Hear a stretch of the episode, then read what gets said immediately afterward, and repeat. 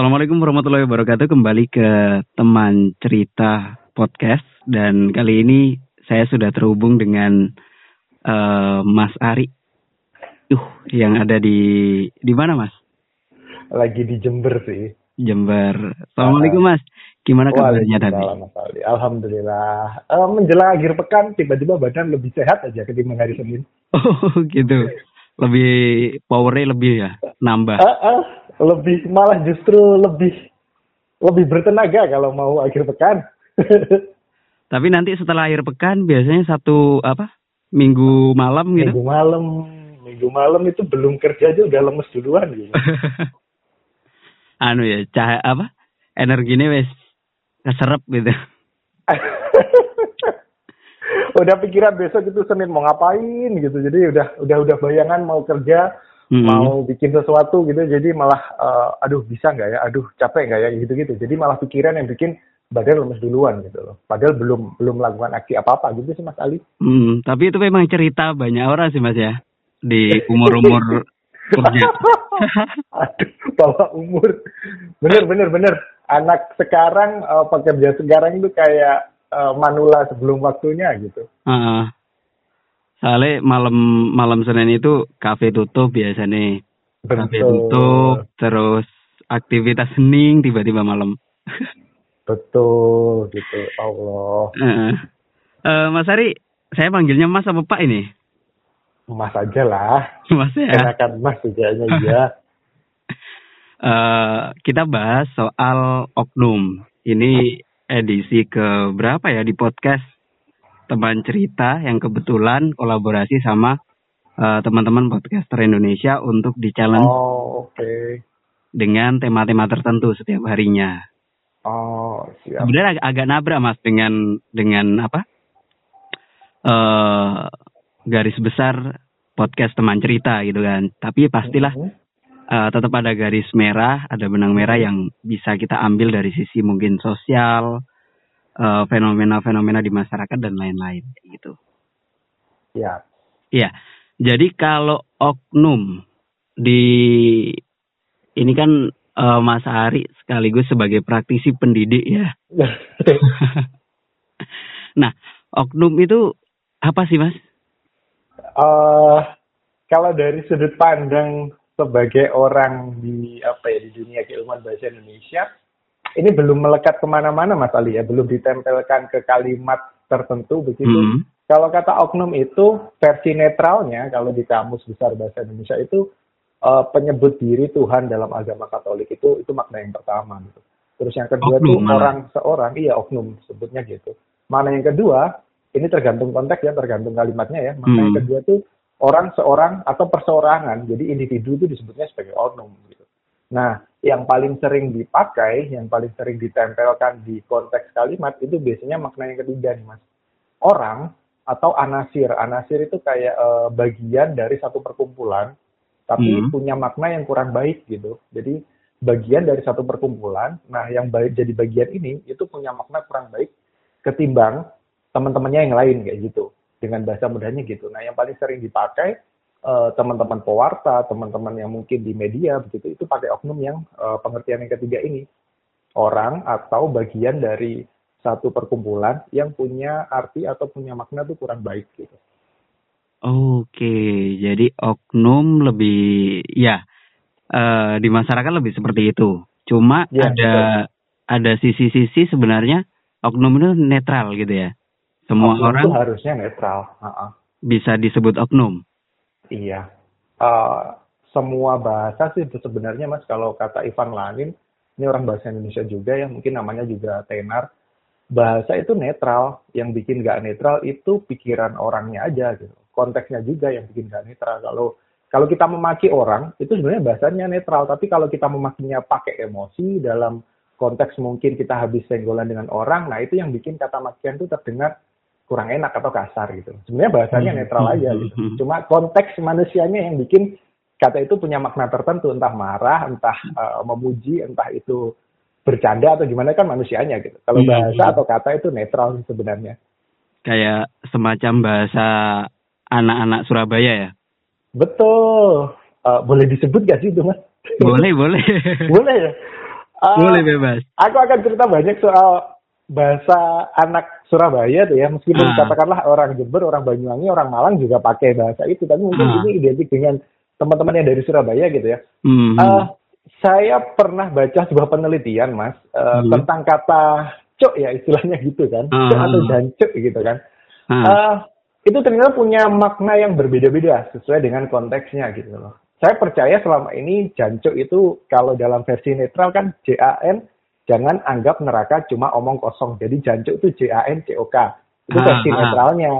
Mengingatkan kita kalau jangan anggap neraka itu cuma omong kosong. Jadi jagalah eh, tingkah lakumu kayak gitu lah.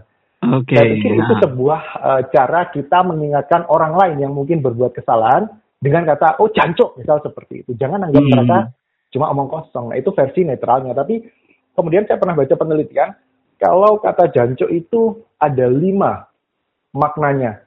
Saya mungkin tidak bisa menyebutkan lima. Ini hanya yang saya ingat lagi, Mas. Jadi kata cok atau jancuk itu tergantung representasi atau konteksnya. Mungkin ada jancuk yang dimaknai dengan kemarahan ketika nada atau konteksnya itu bilang, eh, jancuk mata nih gak delok dah. Aku kesenggol. Nah itu mungkin diungkapkan dengan marah dan akhirnya maknanya juga bersifat eh, apa ya? Keras gitu ya. mewujudkan emosi dan keras. Ah. Tapi kadang juga bisa berkebalikan 180 derajat ketika kita tidak bertemu dengan teman kita yang lama terus kemudian kita ngomong eh cok neng dia eh, gak ketok sama-sama cok tapi kok di telinga yang ditangkap gitu itu ya. beda maknanya ya Hmm. kayak gitu bahkan juga cok itu juga eh, menyampaikan eh, perasaan kaget ketika mungkin kita tersandung satu benda tiba-tiba cok aduh opo kok gak ketok aku misal seperti itu jadi Mhm. Saya bisa menyebutkan minimal ada tiga, ada yang marah, ada yang eh, keakraban, Hmm. ada juga yang menyatakan kekagetan kayak tadi itu. Tapi di penelitian saya ingat banget tuh ada lima, saya nggak bisa menyebutkan Hmm. semuanya tuh Mas Ali. Jadi sebenarnya bahasa itu netral, cuma konteksnya yang membawa kata atau bahasa itu punya makna khusus atau tertentu gitu sih. Iya. Dan di versi akrab sama marah ada nada, ada nada yang hampir sama. Kayak Nah, nadanya sama gitu kan, ada nada Betul. tinggi gitu. betul. Cuma satunya marah, satunya Ah, ah. tanda Satunya menandakan kalau kita akrab. akrab. Iya. Ya, ya. Dan hal itu sama dengan oknum gitu ya. Sama seperti oknum yang harusnya kan netral-netral aja sih Mas ya. Hmm. Jadi itu teman-teman barangkali masih berseliweran gitu ya. Karena jujur eh, ketika podcast oknum ini saya lemparkan ke teman-teman, itu banyak yang merasa kayak wah kayaknya nggak tepat gitu. Oke, Mungkin oke. salah sa- iya apa? Takut salah ngomong atau apa atau menyudutkan salah satu pihak dan lain hal gitu Oke, kan. Oke, oke. Nah, Karena tapi mungkin ah, Mas? gimana? Karena mungkin itu udah terlanjur apa ya? eh, kita kebiasaan pakai itu di konteks itu akhirnya penerimaan masyarakat ya udah stigmanya ini bagus, netral atau negatif gitu. Jadi karena kebiasaan maka kita memaknainya jadi seperti itu. Eh, istilahnya kan ala bisa karena biasa gitu loh. Hmm. Eh, yang nggak pernah dipakai, terus kemudian sering dipakai, akhirnya maknanya jadi seperti itu. Satu contoh di kata oknum tadi. Tapi yang paling baru mungkin Mas Ali masih ingat teman-teman podcast juga eh, arti kata mager. Mager. Iya, ya. aha. Mager tuh kan, nah Hmm. eh, atau gabut, gabut. Gabut itu sebenarnya kan eh, kita memaknainya ya dari makna awalnya itu kan gaji buta gitu kan. Ada Hmm. istilahnya mag- magabut, makan gaji buta. Itu artinya orang yang kerja di kantor dan Mhm. dia tidak melakukan apa-apa tapi tiap bulan dia dapat gaji gitu. Mhm. Magabut makan gaji buta. Terus lama-lama sering digunakan jadi pendek. Jadi kata gabut, eh kamu ngapain? Aku di kosan. Ngapain di kosan? Gak ada gabut nih gitu kan. Gabut itu memaknai orang yang gak ngapa-ngapain. Jadi maknanya udah geser lagi nih karena kebiasaan dipakai di hal seperti itu. Jadi yang awalnya karyawan di kantor gak ngelakuin apa-apa tapi dapat gaji itu mah gabut. Hmm. Terus makin sering digunakan tanpa harus bekerja di kantor pun kalau kita nggak ngapa-ngapain disebutnya gabut. Oke. Dan Bahkan sekarang maknanya juga terlepas sama sekali gitu. loh. Bahkan eh, aku nongkrong nih sendirian, gabut nih gitu bikin status Hmm. misal di rumah hujan terus tiba-tiba eh, gabut nih nggak tahu mau ngapain, nggak harus bekerja di kantor loh untuk menggunakan kata gabut gitu.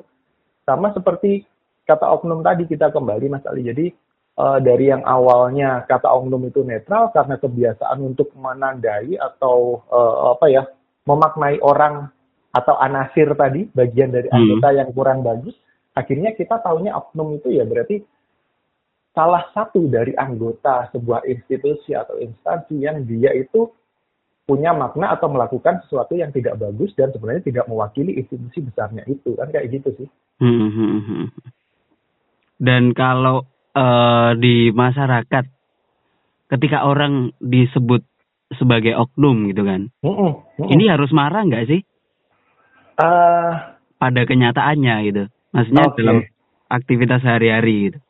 Ketika uh, sebuah pemberitaan segala macam itu sudah menyebutkan bahwa ketika ada penyebutan oknum di sana berarti mungkin ada kasus kayak gitu. Oke okay, oke, okay. siap. Uh, sama seperti dengan kata-kata yang lain yang kadang awalnya kata itu netral gitu mas. Uh, ke oknum dulu. Oknum ini paling sering diberlakukan itu ketika musimnya Orde Baru Mas Ali. Jadi pewarta atau penyiar berita itu ketika mendapati satu kejahatan, tindak kurang bagus dari dua institusi ya, kalau di, di hmm. Orde Baru itu dari kepolisian dan juga ABRI, waktu itu masih disebutnya ABRI gitu. Jadi ada salah satu anggota polisi atau ABRI yang melakukan tindak kurang bagus gitu, maka pewarta secara otomatis itu akan menuliskan oknum polisi atau oknum ABRI begitu disebutnya di zaman dulu. Jadi uh, sudah ada aturan tidak tertulis untuk langsung menyebutnya itu oknum yang artinya uh, tidak disangkal bahwa memang dia anggota polisi. Tidak hmm. disangkal juga dia anggota ABRI, memang benar-benar anggota polisi atau anggota ABRI. Tapi yang perlu digarisbawahi adalah ketika kata oknum itu ditampilkan, maka itu menyatakan atau mempertegas bahwa satu anggota polisi atau satu anggota ABRI ini tidak eh, apa ya mewakili dari keseluruhan institusi.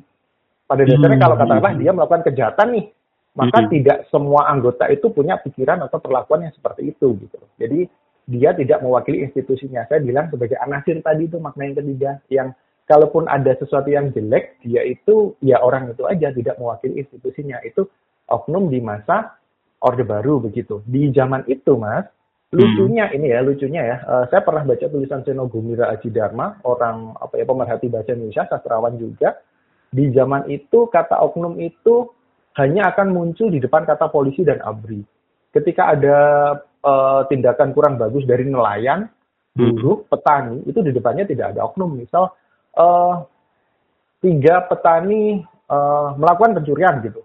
Ya udah hmm. ditulis saja tiga petani melakukan pencurian, tidak ada uh, oknum petani melakukan pencurian atau tiga oknum petani melakukan pencurian nggak ada gitu. Jadi oknum itu hanya disematkan pada kata di depan polisi dan abdi di zaman itu. Tapi makin ke sini sepertinya pemakaian oknum juga makin meluas mas ya. Mm-hmm. Nggak hanya pada polisi dan ABRI, bahkan kata oknum itu tidak uh, tidak selalu melekat di polisi dan ABRI kalau di zaman sekarang ya. Bahkan mungkin uh, apa ya di Dewan Legislatif juga kita sering menemukan kata oknum atau mungkin di apa ya pejabat publik yang mungkin melakukan tindakan kurang bagus maka kita sebutnya oknum gitu kan. Mm-hmm. Jadi nggak hanya melekat di polisi dan ABRI kalau zaman sekarang, tapi sejarahnya di zaman Orde Baru memang seperti itu, hanya melekat pada polisi dan ABRI. Kalau sekarang meluas mas ya. Hmm, bahkan kemarin yang terakhir itu kan uh, kasus di pondok pesantren disebutnya Oke, okay, ya betul sekali. Gitu. Kasus di pondok pesantren. Oke, kita sebut itu mungkin uh, apa ya paling yang yang melekat apa mas? Kalau nggak salah ustadz atau apa ya yang di uh, itu? Salah satu organisasi oh, okay. Muslim jadi oh, salah satu organisasi muslim ya. Karena memang e, termasuk apa ya, yang sangat berpengaruh lah gitu ya. Oke. Okay. Jadi dan ini ternyata multi gitu loh, nggak hanya di okay. ranah agama tapi di wakil rakyat kayak gitu. Oke. Okay. Sehingga okay, okay. penyebutan oknum saat itu sangat sangat terlihat. Oke. Okay. Nah, tapi gini mas, Berarti penyebutan oknum ini juga sebagai apa ya?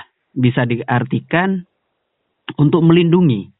Untuk melindungi mungkin uh, kalau beberapa waktu lalu kita sempat ada salah satu podcast itu bunga bukan nama sebenarnya. Oke. Okay. Di mana bunga ini kan sering di, digunakan untuk uh, mungkin warta apa segala macam yang Iya. uh, terdampak gitu kan, uh, Iya. menjadi korban kayak gitu. Oke. Nah, oknum ini apakah fungsinya pada pemberitaan juga akan seperti itu? Artinya melindungi Oke. mungkin orang yang ada di dalamnya. Oke, oke, oke.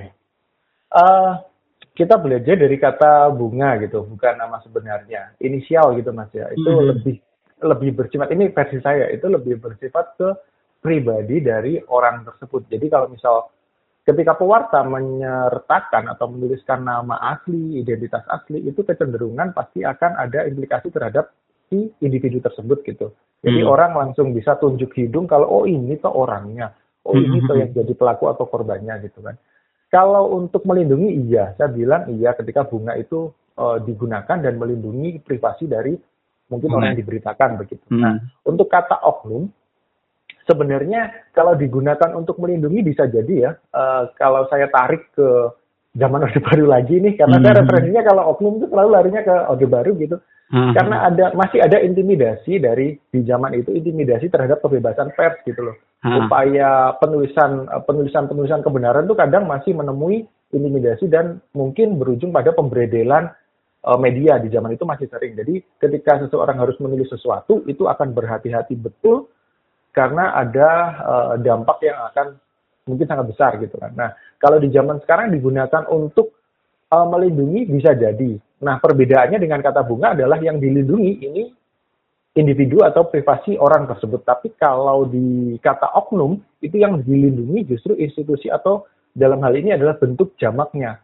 Jumlah yang Oh. besar itu. Ah. Yang di, ditulis atau dianggap bahwa yang besar itu tidak terwakili oleh satu orang yang baru saja melakukan kejahatan atau tindakan kurang bagus gitu kan. Oke, kayak tadi ya, eh, kembali ke mungkin oknum eh, pondok pesantren kayak gitu-gitu. Nah, betul. Jadi yang di pondok pesantren dan semua yang mengelola atau bahkan semua sumber daya yang ada di pondok pesantren itu bisa jadi tidak sama loh sikap, sifat, dan pemikiran dengan orang yang mungkin baru saja melakukan tindak kejahatan. Gitu kan. Istilahnya Hmm. menggarisbawahi aja sih. Hmm. Semakin eh, mengerucut gitu ya, bahwa Eh, eh, oknum adalah terkait dengan orang dan organisasinya atau Iya. orang dengan kelompok besarnya. Kalau bunga orang personal gitu kan ya. secara personalnya begitu. Kalau kita bicara Oke. tentang yang dimaksud tadi, siapa yang dilindungi gitu kan. Hmm. Oke. Jadi, Jadi- benar. Ha, gimana? Jadi intinya sebenarnya bahasa itu kan netral Mas Ali ya. Mhm. Mau kita menggunakan apa kan sebenarnya netral sama seperti yang dari awal tadi kita ngomong bahasa Surabayaan itu kan sebenarnya netral cuma konteksnya saja dan kebiasaan kita akhirnya kita memaknai satu kata itu bagus bu atau buruk atau ini kasar ini lembut gitu kan tergantung konteks dan manusianya juga. Ah. Dan eh, termasuk caps lock itu juga netral gitu ya. Gaslight itu harusnya netral tapi kenapa kita itu suka berpikiran kalau orang ini kok nggak sopan banget ya. Oh iya. Nah nggak cuma caps lock. Kenapa tinta merah itu dianggap tidak sopan? Eh, mungkin nggak nggak sewajarnya kayak gitu. apa ya? Saya dulu kan pernah gitu kan. Kamu kenapa Hmm. pakai tinta merah? Padahal tinta hitam dan biru tidak tidak melambangkan apa-apa gitu. Maksudnya ya netral. Tapi kenapa tinta merah itu dikecualikan gitu loh? Hubungannya Hmm. apa merah dengan tidak sopan gitu Bener sih. Ilmu tanda sih mas kalau bilang tadi itu ilmu semiotik istilahnya termasuk juga oknum Heeh. itu semiotik tanda yang yang memaknai ada ada ada makna atau ada tujuan tertentu dari penggunaan kata itu gitu loh heeh. ada muatan politisnya pasti ada sesuatu yang disembunyikan di baliknya gitu. Oke, dan ini Ya. Mas, mumpung mumpung di apa di segmen ini saya juga ingin bertanya ini terkait Oke. dengan eh, bahasa kita itu oke semakin ke sini kan semakin bertambah gitu kan. ya Eh, ada penambahan mungkin penyerapan dari Oke. bahasa anak-anak zaman sekarang dan Betul. lain sebagainya. Nah itu kalau di KBBI bisa bertambah nggak? bisa banget bisa banget jadi dalam uh, kamus besar bahasa Indonesia itu ada dewannya gitu jadi ada yang khusus mengatur bagaimana bahasa ini bisa masuk ke KBBI ada banyak sumber kan Mas Ali ya salah satunya Mhm. mungkin bahasa anak muda sekarang tuh Ada juga yang sumbernya dari bahasa daerah yang mungkin naik jadi bahasa Indonesia. Ada juga yang serapan dari bahasa asing yang bahasa luar gitu yang dijadikan uh, serapan untuk masuk ke KBBI. Tapi itu melalui pertimbangan yang panjang. Okay. Atau bahkan nggak cuma menyerap mas ya, bikin kata baru itu sangat mungkin loh di bahasa Indonesia. Tapi sekali lagi itu harus diusulkan. Dan cara mengusulkannya gimana? Ada kok di websitenya di uh, Badan Bahasa yang bagian mengusulkan kata tertentu itu ada. Gitu. Dan harus memang lazim digunakan gitu ya? Iya, dan uh, salah satu syaratnya adalah yang saya ingat itu ada konotasi baiknya gitu. Kadang kita kalau bikin kata atau bikin singkatan aja kan mm-hmm. mungkin ada yang konotasinya bagus, konotasinya nggak bagus kayak gitu-gitu. Nah, ada dewanya mm-hmm. dan ada proses dari kata-kata yang mungkin bisa diserap jadi bahasa Indonesia yang nantinya akan digunakan oleh uh, seluruh warga Indonesia itu ada. Mungkin bertambah, mungkin sekali. Oke, jadi nanti mungkin uh, kamus bahasa Indonesia akan semakin tebal. Iya. gitu kamus ya? bahasa Indonesia semakin tebal, iya gitu. Saya kira uh, penambahan bahasa itu akan ada ramenya itu saat musim BB apa SMS dulu saya kira gitu kan karena di sana okay. banyak sekali kata-kata yang kemudian muncul sebagai uh -huh.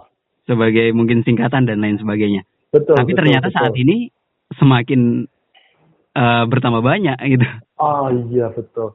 Justru ini Mas Ali mungkin mungkin jadi wawasan bersama juga yang bikin kosakata bahasa Indonesia yang paling banyak itu serapan dari ilmu teknologi Mas. Jadi kalau misal ada uh, teknologi informasi ada sesuatu yang baru kita kan tahunya kalau teknologi informasi kan larinya kenceng banget ya. Tiba-tiba kita kenal kata daring. Tiba-tiba kita kenal kata luring itu dari mana gitu kan? Dari rata-rata dari uh, apa ya persebaran atau percepatan teknologi gitu. Dan hmm. penambahannya banyak banget. Untuk flash disk saja apa coba bahasa Indonesia itu kan ada beberapa bagian yang part teknologi, bagian dari teknologi yang mau nggak mau kita harus punya dalam bentuk Indonesianya gitu. Handphone aja kita tahunya ada gawai gitu kan. Mm-hmm. Mouse itu ada tetikus kayak gitu-gitu. Oh, saya baru tahu ini. yang paling banyak justru dari teknologi gitu Mas Ali. Daring ya. Uh, Daring, luring, apa apalagi ya. Uh, uh, gitu-gitu. Mm-hmm. Speaker itu namanya pelantang kayak gitu. Oh, pelantang. Mm-hmm. Teknologi itu kencang banget dan kita harus menyerap banyak, bahasa Indonesia menyerap banyak dari itu. Nah, itu butuh uh, sumbangan ide dari istilahnya netizen lah, istilahnya netizen yang menyumbang ide apa ya kata yang bagus untuk menyebut speaker gitu. Hmm. Itu ada versi Indonesia apa ya? Itu kayak kita tuh boleh menyumbang di badan bahasa gitu lewat kamus besar bahasa Indonesia. Tentu melalui proses yang yang harus dilalui gitu. Apakah kata ini dianggap layak atau tidak?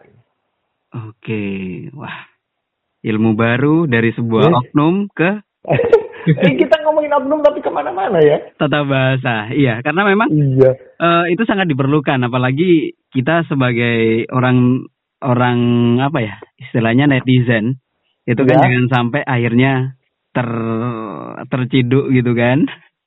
Terciduk uh, juga apa coba maknanya itu? Hah? Terciduk juga kan kita terlepas dari makna sebenarnya kan, Mas? sebenarnya apa itu? Ciduk. Kalau kita terciduk itu kan kita menciduk ya. Ciduk itu kan sesuatu yang ada di bawah terus kita ambil ke atas dengan alat. Misal kalau kita menciduk air gitu. Oh, menciduk benar, teh gitu kan. Tapi sekarang makna itu digunakan untuk manusia yang mungkin awalnya mungkin melakukan kejahatan diciduk oleh polisi. Okay. Nah, tapi sekarang terciduk itu lebih mirip ke terpergok kali ya. Misal kalau ada orang yang ngakunya nggak ada hubungan, nggak pacaran, terus tiba-tiba wah terciduk nih di kafe kemarin keluar sama siapa gitu kan, nggak harus melakukan kejahatan, tapi kalau ada teman kita yang terpergok melakukan sesuatu, kita jadi tahu, nah itu istilahnya kita pakai terciduk gitu kan. Oh, iya. pergeseran makna hmm. juga sih mas gitu. Pergeseran makna dan dan di KBBI bisa itu ya sah ya? Bisa bisa Kalau bisa masuk kan perluasan makna ya. Oh perluasan makna, oke. Okay. Iya makna baru makna baru itu kan terus muncul. Uh, sama seperti oknum tadi, Mas. Bisa jadi kan oknum itu punya tiga makna. Ketika hmm. melakukan perluasan, ada uh, apa ya istilahnya ya, uh, bahasa itu berkembang, bisa jadi maknanya jadi empat atau lima gitu kan. Ada banyak makna di situ. Nggak cuma satu, nggak cuma tunggal. Hmm, oke. Okay. Terima kasih, Pak Ari, untuk iya. uh, ilmunya di Wah. kesempatan hari ini. Insya Allah ini. aja kita ngobrol, udah lama ya. Sudah uh, overtime sebenarnya, tapi Iya. karena memang pembicaraan kita sangat menarik dan saya rasa juga eh, bermanfaat ya untuk teman-teman yang ada di luar Amin. sana, untuk Amin, saya juga semoga. pribadi. Siap. Jadi kita sambung ya di sesi mungkin berikutnya. Siap. jangan bosan-bosan. lagi. Ya. Untuk saya telepon. Siap. Baik, terima kasih Pak Ari. Assalamualaikum warahmatullahi wabarakatuh. Waalaikumsalam warahmatullahi wabarakatuh.